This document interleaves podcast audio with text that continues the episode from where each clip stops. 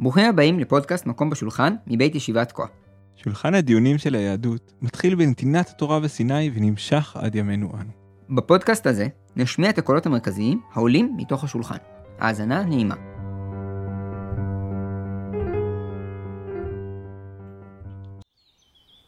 פעם יצא רבי לשדה. הביאו לפניו פת עקום. אמר, פת זו נאה, מה ראו חכמים לאוסרה? מה זאת אומרת? זה מה שחכמים עושים כל החיים, הם אוסרים דברים. Bakreuner mit dem jüdischen heiligen zniesigen Levisch. מה זה? כן, אני גם, אני לא מבין את זה, כאילו, גם איזה סוג של סברה זה? זו סברה שאם אם היום הייתי צריך לשתול אותה בפה של מישהו, אז זה חבר של, אמ, למה לאסור להדליק אור בשבת? זה כל כך פשוט. או בצורה יותר קיצונית, הם שניהם אוהבים אחד את השני, אז מה אם הם שניהם בנים?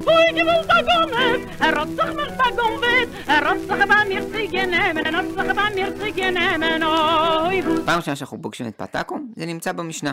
זה נמצא בתוך רשימה של דברים, מאכלות גויים למיניהם, שהם אסורים. אז יש שם גם אה, יין, וגם חלב, וגם כל מיני דברים שהם אסורים. ביניהם זה גם פת עכו, שאומרים שזה דבר אסור. יש סיבה? זה מופיע למה זה אסור? לא, זה לא כתוב סיבה, הם רק כתוב שם שזה אסור, שזה לא אסור בהנאה. קצת מדליק נורה אדומה.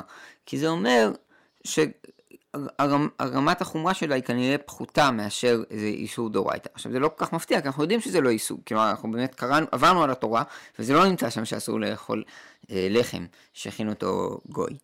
אז זה לא כל כך מפתיע אותנו שזה לא איסור דאורייתא, אבל אנחנו באמת לא יודעים מה האופי של ההלכה הזאת שאסור לאכול פת שמגיע מגוי. אוקיי, אז יש לנו רש... אז שאני אבין, יש לנו רשימה של דברים שהם יכול להיות שכל אחד אסור מסיבות אחרות, אבל הם קובצו ביחד כי זה כל מיני הלכות גויים כזה, מבחינת המשנה. כן. אז יש לנו אה, איסור על, על, אה, על יין, שזה אולי קשור לעבודה זרה או משהו כזה, יש לנו איסור על פת, יש לנו איסור על שמן, יש לנו איסור על חלב, יש לנו איסור על גבינה, זה פחות או יותר הדברים שנמצאים במשנה. אה, כן, אלה, אלה לפחות שיותר מוכרים לנו. אוקיי. אה, אבל צריך להבין שהם באמת, מה שמאחד את כולם, זה קודם כל העובדה שהם נמצאים בתוך מסכת עבודה זרה. שזה אומר שההקשר הוא הניסיון להתרחק מגויים, או להבדיל אותנו מגויים. לא הבנתי, מסכת עבודה זרה היא לא קשורה בזה שיש עבודה זרה? לאו דווקא, לא בגלל דווקא עבודה זרה, אלא בגלל שבאופן כללי אנחנו, יש שם, כל, יש שם הרבה הלכות שהם מתייחסים לשאלה של כאילו איך, מה אנחנו צריכים להתרחק, מה אנחנו לא צריכים להתרחק כאילו מגויים. הבנתי, יחסי גויים יהודים כאילו. כן, ובמקרה הזה אז יש לנו פה רשימה של, של דברים שהם קשורים לאוכל ספציפית, כלומר היחס בין כאילו יהודים, גויים והאוכל שביניהם. זה אולי הכותרת הכי טובה למשנה הזאת. ובתוך המשנה אבל יש איזה כוכבית אחת שהיא מפתיעה, וכתוב שם שרבי התיר את השמן, רבי ובית דינו התירו את השמן. זה נמצא כבר בתוך המשנה. כן, הדבר הזה הוא...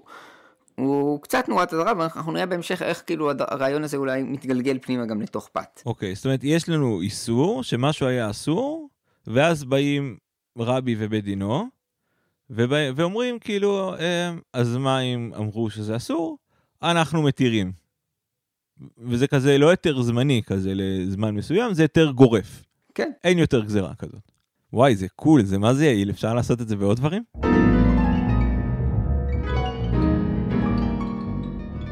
חושב שיש הרבה, הרבה גורמים בימינו שמנסים לעשות את זה להמון, כאילו, גזירות והלכות בתוך, כאילו, ולבוא ולהגיד, בוא נתיר את זה, זה כבר לא רלוונטי. אז אנחנו, המשנה סותמת, ומכל הרשימה, רק שמן היא, היא, היא מתירה. אוקיי, אז איך זה, ואיך זה מתגלגל הלאה? אז אולי פה באמת מגיעה התפנית האמיתית, הדרמטית כאילו של האירוע.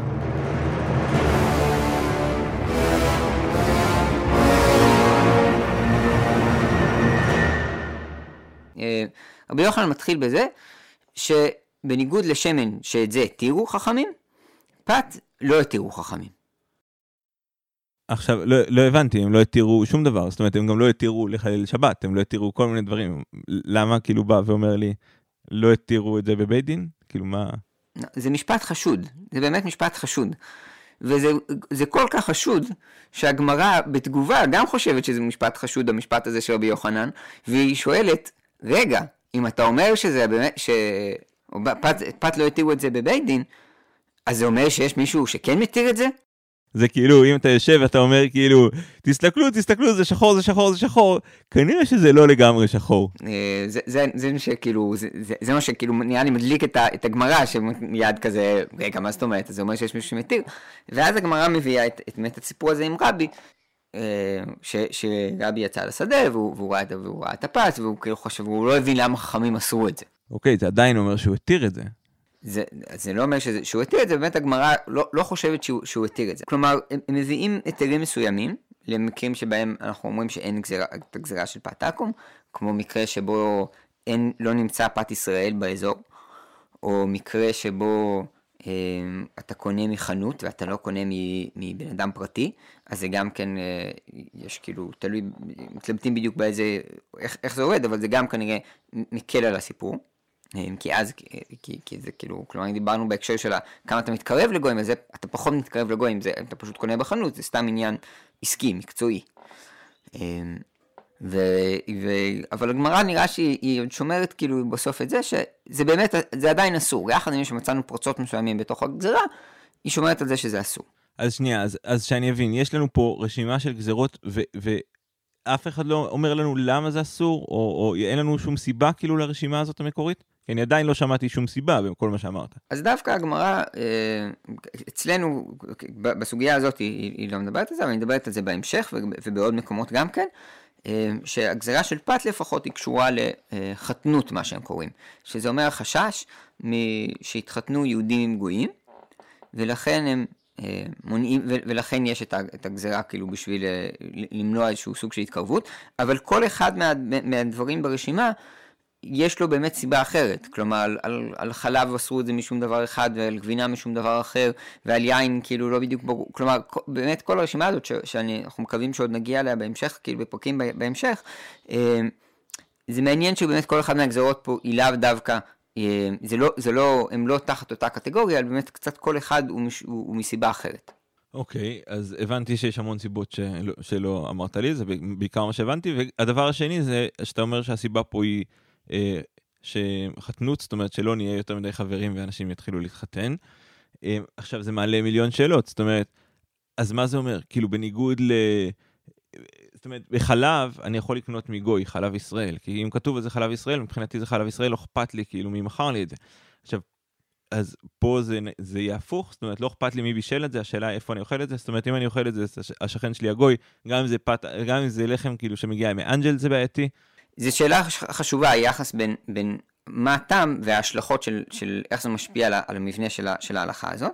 אמ, כרגע, אבל אנחנו נשאר להישאר כאילו רק בסיטואציה הזאת, אפילו בלי לדבר על הטעם, אלא על עצם העובדה שיש לנו פה איזושהי גזירה שנראה שהיא מתגלגלת. אוקיי, okay, אני, אני כאילו שומע פה התחייבות כאילו לעוד פודקאסט בנושא. אנחנו מקווים, כן, כן, סדרה, סדרה שלמה. אוקיי, okay, מעולה. אז, אז, אז נחזור לענייננו. אה, בואו בוא נסכם את מה שראינו עד עכשיו. יש לנו איסור על, על, על כל מיני דברים של גויים, אה, פת, שמן, יין, כל מיני דברים. פת כתוב בגמרא שאת פת לא התירו בבית דין. ואז מיד אנחנו מתחילים לקפוץ ומתחילים להעלות כל מיני שאלות, מה זאת אומרת לא התירו מבית דין?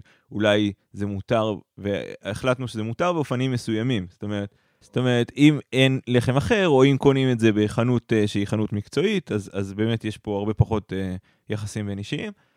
Uh, זה מה שראינו עד עכשיו. עכשיו, מה שאני בעצם מנסה להבין זה מה, מה, מה קורה פה, איך רבי יכול לבוא ולקחת משהו שהוא אסור, ו- ופתאום להפוך אותו להיות מותר. כאילו, אם משהו אסור, אז הוא אסור, ואם משהו מותר, אז הוא מותר. ו- וגם האמת שגם תחילת הגזרה זה דבר משונה. מה פתאום מישהו, אה, חכמים, זאת אומרת באיזה סמכות? אני לא בטוח שהוא משונה, זה שיש לך, זה שחכמים באו וגוזרים גזירה, זה נראה לך כמו דבר משונה? הבנתי, בתור יהודי דתי כאילו, אני רגיל כאילו שהעיגול, שכאילו אני המסמר, והעיגול כאילו של הכיפה זה המקום שדופקים, ומי שדופק זה חכמים. דופקים עליי, כאילו, דופקים אותי בכל מיני צורות. אה, נראה לי זה דבר שכתוב, אה, שהוא ברור, שיש בעיות מסוימות בהלכה, או יש איזשהו צורך, שהלכה זה דבר דינמי, ממילא, כאילו יש משהו שיכול להיכנס פנימה. כאילו, כלומר, חכמים לפעמים מכניסים פנימה דברים. אבל לפי ההיגיון הזה, באמת, אם חכמים יכולים להכניס פנימה דברים, כי יש איזו בעיה מסוימת ש, שהם רואים, אז, אז גם על פניו הם יכולים גם להוציא דברים, לא? כלומר, למה, למה זה כזה מפתיע אותך? הם יכולים גם לבוא ולהגיד, בסדר, פעם היה, חשבו שזה נורא חמור, אה, כי, כי לחם זה היה דבר נורא כזה, אולי עכשיו יבואו חכמים ויגידו, לחם זה לא דבר כזה קריטי, אפשר לזרוק את זה החוצה, או לא יודע, או חלב, או על שם, או על שמן עשו את זה, נכון? כלומר, למה זה מפתיע אותך העובדה שחכמים יכולים להוציא ולהכניס דברים פנימה לתוך ההלכה? עוד פעם, אני מכיר המון דברים שיצאו ונכנסו בתוך מסגרת שבה אני אומר, אה, נגיד המציאות היא קצת השתנתה, או הם דיברו על משהו מסוים, אנחנו מדברים על מציאות אחרת. נגיד, אני יכול לבוא ולהגיד, תשמע, גויים של פעם עבדו עבודה זרה, אנחנו חיים בין מוסלמים, סלש נוצרים, סלש לא יודע מה, או, או, או אנשים שהם לא דתיים, ואני בא ואומר, תראה, לבוא ולהגיד שהם עובדי עבודה זרה אה, בפוטנציה, וכל מה שהם, כאילו, הם אדוקים כאלה, וכל פעם שהם נוגעים באיזה יין, הם בעצם מנסחים אותו קצת, כי, כי יאללה, בואו נעשה איזה מצווה כאילו על הדרך. אני מבין שאני יכול להגיד שההלכה אה, משתנית באופן פרקטי, כי המציאות השתנתה. עכשיו, לבוא ולעקור את ההלכה מעצמה, לבוא ולהגיד, זה לא שאני משאיר את ההלכה, אבל אני אומר שהמציאות השתנתה. אני בא ואומר, תשמע, זה היה פעם אסור, והיום אני מתיר את זה. כאילו, איפה הגבולות של הדבר הזה? כאילו, מה, מה, מה זה, זה? זה נורא מוזר. כאילו מה, הכל דינמי? הכל אפשר להכניס ולהוציא? כל מה שחכמים אמרו עד עכשיו זה רק רלוונטי בגלל שאף חכם לא בא, איך, איך, איך אומרים את זה כאילו בצורה קיצונית? פעם לחכמים היה אומץ, היה אומץ הלכתי, ולכן הם היו יכולים לעשות דברים, ולכן הם היו אה, יכולים להתיר. הבעיה של הרבנים היום הם כאלה, הם רק, רק, אה, נראה כזה מסכנים, מוסיפים חומרות, בדין, הנה תראה, בית דין של פעם היו בית דין כאילו רציני, הם, הם יכלו להתיר דברים. הם משהו כזה, זה הזוי. אם זה נשמע לך הזוי, יש לך כאילו משהו כאילו עוד יותר קיצוני שם בהמשך הגמרא, שיש שם את, ה, את הנכד של רבי, אה, קוראים לו בגמרא רבי יהודה הנשיאה, שהוא הנכד של רבי יהודה הנשיא שערך את המשנה, והוא אומר שם, שהוא אה, אומר שהוא היה רוצה להתיר גם כן פת, פת עכו"ם, פת גויים, שיהיה מותר לאכול את זה, אבל הוא מפחד שיגידו שהוא כזה בית דין שמתיר כל הזמן, כי הוא כבר התיר כאילו כמה דברים לפני כן, והוא כזה, הוא לא רוצה שהוא כזה יצא לו, יצא לו שם כזה של כזה בית דין כזה ליברלי, לא רציני, שכזה כל הזמן רק מתיר דברים. מה זאת אומרת, עכשיו אנחנו נסבול במשך אלפי שנים בגלל שהם לא רצו להתיר כי הם התירו שתי דברים? מה זה רלוונטי לשאלה אם פת זה, זה אסור או מותר, השאלה כמה, כמה דברים הם התירו לפני? ומה הם התירו? אתה, אתה חושב על, על, על זה בתור סוג של... אה, זה עובד רק באופן אובייקטיבי, כלומר, האם זה נכון או לא נכון שזה יהיה. אם זה לא נכון, אז אפשר להוריד, אם זה כן נכון, אז, אז צריך לשים את זה. אבל באמת יש פה איזושהי תפיסה של כאילו, צריך את, את הרב עם הכתפיים שיבוא לעשות את זה, ואם הוא לא בא ועשה את זה, אנחנו תקועים. אנחנו, הדבר הזה לא הותר, כי באמת הבן אדם לא הגיע והתיר את זה. בוא, בוא ננסה לעשות סדר. אז יש לנו, תק... יש לנו דברים שאסורים בתורה. יש לנו תקנות. תקנות זה, איך היית מציג תקנה? זה, אני מבין את זה בתור, היה איזושהי בעיה, ובשביל כאילו לסגור פרצה, אז חכמים תיקנו איזושהי תקנה. יש תקנה נגיד שנקראת תקנת מריש, שזה תקנה שחכמים תיקנו אותה בשביל גנבים. הדין הבסיסי בגנב, שמישהו גונב, אז הוא צריך להחזיר את מה שהוא גנב כמובן. אוי, גבולת הגונב, הרוצח מחבא גונב, הרוצח במרציג ינמן, הרוצח במרציג ינמן, נולד פי שטיב. בתקנת מריש אנחנו אומרים שאם לקחת את העץ הזה, ונגיד בנית איתו חלק מהבית שלך, עכשיו להוציא את העץ הזה מתוך הבית, זה יהיה בלגן שלם. כי אתה צריך לסתור את כל הבית בשביל להוציא את העץ הזה. בסדר, גנבת, תחזיר, מה זאת אומרת? אז למרות שמדין תורה אתה צודק, באו חכמים ואמרו, אנחנו רוצים שהבן אדם יוכל לחזור בתשובה. יהיה יותר, יהיה, יהיה טוב לכולם אם, אם הבן אדם, כלומר, הם חששו מזה שהבן אדם כבר יגיד כאילו, אני לא עכשיו אסתור את כל הבית שלי, לא יודע, אז לא משנה, נוותר. באו חכמים אמרו כאילו, טוב, תשמע, בוא תתן רק את הערך הכספי של מה שגנבת חזרה. אוקיי, זה הגיוני. זה בעצם כאילו יש פה חור בתוך המבנה של התורה, נכון? שבעיקרון בן אדם אה, צריך לחזור בתשובה, אבל בעצם יש לזה אה, משמעויות פרקטיות בלתי אפשריות מבחינתו, ובאים חכמים ואומרים כאילו, בסדר, אנחנו פה נתקן, זאת אומרת, נשנה אשכרה את הדין של התורה, ואנחנו נתקן זה, זה, זה כמו בניין, זה כמו כאילו, יש תורה, זה כזה מין דבר גדול, ויש בו כל מיני חורים או בעיות, ובאים חכמים ואשכרה מוסיפים שם איזה חתיכה, עשות, ב, מוסיפים איזה חלון, פותחים איזה דלת, עושים כאילו, מתקנים את הבית כל הזמן. כן, באמת סוג של כאילו שיפוצניק, כאילו חכמים. כלומר, הוא לא בא, הוא לא, הוא לא הקבלן, כן? אני חושב שהם באמת רואים, הרבה פעמים זה סוג של כאילו שיפוץ. כלומר, הם באים, הם באים, יש פה כאילו בעיה מסוימת פה, יש פה כאילו איזה רצון אולי כאילו לתקן איזה משהו אחר. זה, זה לא, אבל זה פחות אה, אה, סוג של, אה, אה הוא לא האדריכל בטח. כן. עכשיו יש לנו מנהג, מנהג זה משהו קצת אחר, נכון?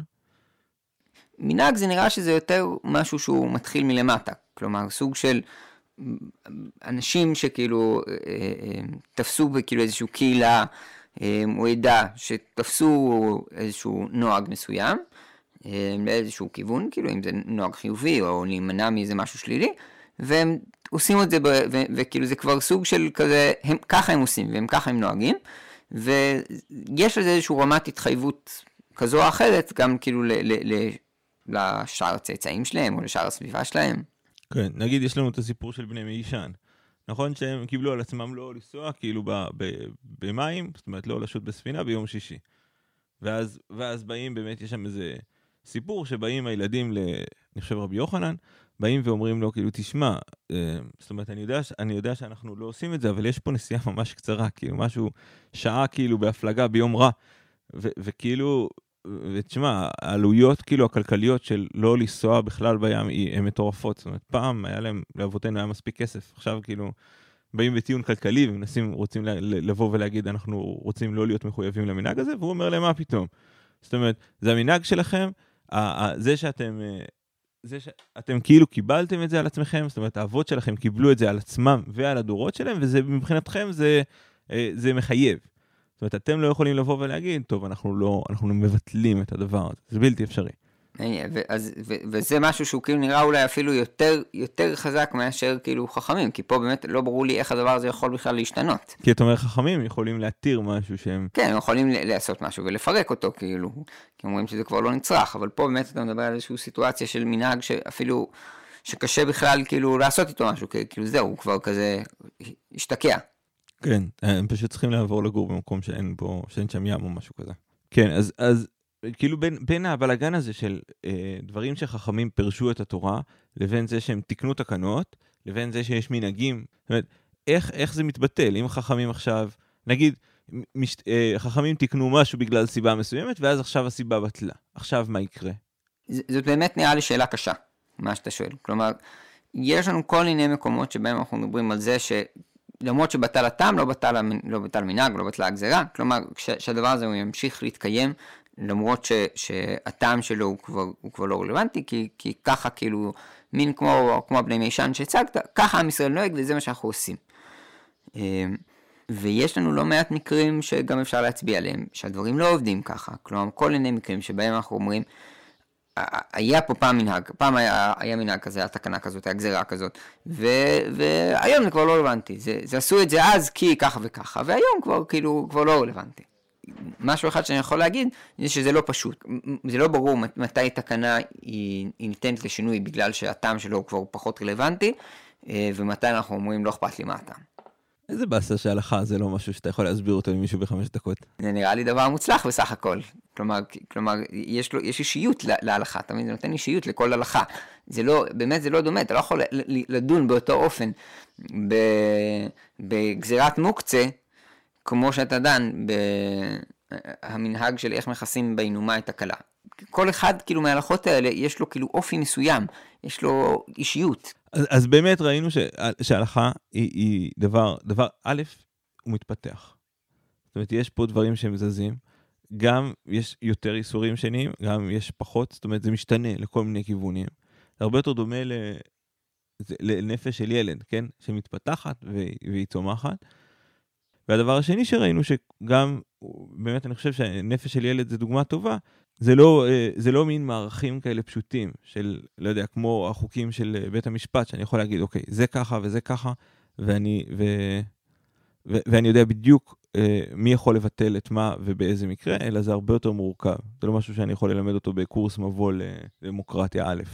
עכשיו בוא נחשוב רגע, אז, אז מה, אז אחרי כאילו כל הבלגן שראינו במשנה ובגמרא, שכאילו יש פה, יש פה תקנות שנכנסות פנימה, יוצאות החוצה, אה, הלכות שאנחנו כאילו, מישהו מתיר את זה ואף אחד לא מוכן לספר לנו מי התיר את הפת עכו"ם הזה, אמ, אז, או, או האם יתירו את זה, או מה נשאר מזה בסוף. אז מה, מה קרה עם זה בהמשך? אוקיי, okay, אז אני חושב שהדבר הכי דרמטי שיש לנו פה, בתמונה, זה התוספות. ואנחנו כבר פגשנו את התוספות עושים דברים דרמטיים, אז הנה, זה אחד, ה, אחד הטובים שלהם. התוספות בנוי מכמה שלבים. השלב הראשון הוא, הוא שלב כמעט טריוויאלי. הוא בא ואומר, תראה, הגמרא בעצם אמרה שיש שיטה שמתירה. שזה משהו שהגמרא בעצמה אמרה. זאת אומרת, רבי יוחנן בא ואומר לנו, בית דין לא התירו את הפת, זאת אומרת שיש אה, מישהו שחושב שזה כן מותר. עכשיו, גם בלי שם, זה, זה הקטע היפה, אין לנו אף אחד שבא, עומד ואומר זה מותר, אבל מהצורה שבה, זה, מהצורה שבה רבי יוחנן אומר שזה אסור, אז אני משתמע מזה שיש מישהו שחושב שזה מותר. ואז התוספות עושה את המהלך הבא, הוא אומר, אם יש מישהו שחושב שאולי זה מותר, זאת אומרת שזה יכול להיות מותר. ואז פה אנחנו צריכים מבנה חדש. אנחנו צריכים להכיר עוד מבנה בארגז הכלים שדיברנו עליו קודם, שזה קוראים לזה תקנה שפשטה או לא פשטה בכל ישראל. הרעיון הזה בא ואומר, חכמים באים ומתקנים תקנה. ועכשיו הם בעצם אומרים אמירה, ועכשיו בעצם, אם יש לנו את התורה, את הקדוש ברוך הוא למעלה, ויש לנו את החכמים באיזה שכבת כאילו בצד אחד, ויש לנו את עם ישראל בצד השני, זה מין משולש כזה. אמ, אז חכמים באים ומתקנים תקנה, והשאלה איך עם ישראל מגיב לזה.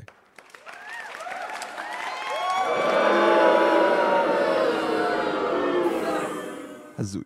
אשכרה זאת השאלה. עכשיו, אם עם ישראל בעצם לא מקבל את התקנה הזאת לתוכו, זה אומר שבאיזשהו מובן התקנה לא, היא, היא לא באמת עובדת. זאת אומרת, נגיד, עזרא ובדינו אמרו ש, שצריך לטבול, אה, שמי שראה קרי צריך לטבול לפני שהוא לומד תורה. עכשיו, אנחנו לא עושים את זה. למה אנחנו לא עושים את זה? כי, כי מישהו עמד והתיר את זה? אף אחד לא עמד והתיר את זה בשום שלב. הסיבה היחידה שזה מותר, זה בגלל שזה לא תפס בכל, ב, בכל ישראל. ואם זה לא תפס בכל ישראל, אז הגזרה היא, היא לא קיימת. כי, כי מסתבר שחלק מהתוקף של הגזרה זה זה שמצד אחד חכמים באו ותיקנו אותה, ומצד שני עם ישראל בא וקיבל את זה. זה הזוי. זאת אומרת, זה בעצם, טוב, ופה אני יכול לגלוש כאילו לכל מיני דברים, לבוא ולדבר על מה הסמכות של חכמים לתקן תקנות, אם, אם התקנה היא לא מתקנת עד, ש, עד שאנחנו רואים שעם ישראל אשכרה מקבל אותה. Hmm. אז נחזור בחזרה לתוספות. דבר ראשון, הוא בא ואומר, יש שיטה שמתירה, כנראה שזה לא לגמרי אסור. אם זה, אם זה, אם אפשר, אם אפשר להתיר את זה, זה אומר שזה לא פשט בכל ישראל. אם זה לא פשט בכל ישראל, אז זה בעצם לא גזרה. אם זה לא גזרה, אז זה בעצם מותר. עכשיו, הופס, כאילו, שלפו פה את השטיח מתחת הרגליים, בלי, בלי כאילו, בארבע מהלכים, בום, אין פה, אין פה כלום. אני לא מתיר את הגזרה, אני פשוט אומר שהגזרה הזאת אף פעם לא, לא, לא, לא קיבלה את התוקף של, של להתפשט בכל ישראל. אוקיי, okay, תסביר לי את ההיגיון אבל. למה שיהיה איזושהי משמעות לכמה עם ישראל קיבל את הדבר הזה? האמת היא שאין לי תשובה לשאלה הזאת, אבל התיאור פה הוא פשוט תיאור אחר. אם התיאור שלך, יש תיאור של, שיש לנו, מה שתיארנו קודם, היהודים זה, ה, זה, ה, זה המסמר עם העיגול על הראש ובכיפה שחכמים דופקים להם על הראש, אז פה באמת זה מוצג אחרת. כאילו זה מוצג שיש פה איזה, איזה מין דו-שיח, שבאים חכמים ומציעים איזושהי תקנה. והשאלה אם עם ישראל מקבל אותה, עם ישראל בעצם נותן את התוקף לתקנה הזאת. ואם עם ישראל בעצם מסכים לתקנה הזאת, ואומר וואלה זו תקנה טובה, נגיד מה שאמרת קודם על תקנת מרש, אני בא ואומר וואלה זה רעיון נהדר, באמת יותר טוב שגנב יחזיר את הערך הכספי ולא שיחזיר את המוצר המקורי, כי זה פשוט הרבה יותר חכם וזה הרבה יותר מוצלח. וזהו, וזה הופך להיות תקנה מחייבת, זה הופך להיות משהו שהוא, אה, או נגיד מוקצה גם, זה הופך להיות משהו שהוא חלק מההלכה. כן, היום אני לא יכול לבוא ולהתיר מוקצה, זה תקנה אמיתית, זה קיבל את התוקף. קיבל את התוקף של מי? של עם ישראל. ולבוא ולהגיד, יש פה תקנה שהיא לא קיבלה את התוקף של עם ישראל.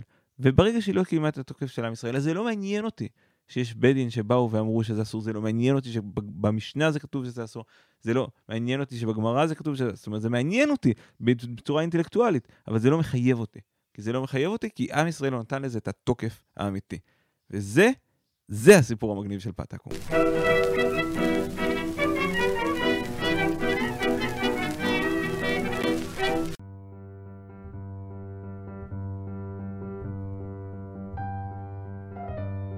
זהו, זה היה הפרק של היום. אנחנו היינו מקום בשולחן, הפודקאסט שמנסה להכניס אתכם לתוך שולחן הדיונים של עולם ההלכה. נתראה בפרק הבא.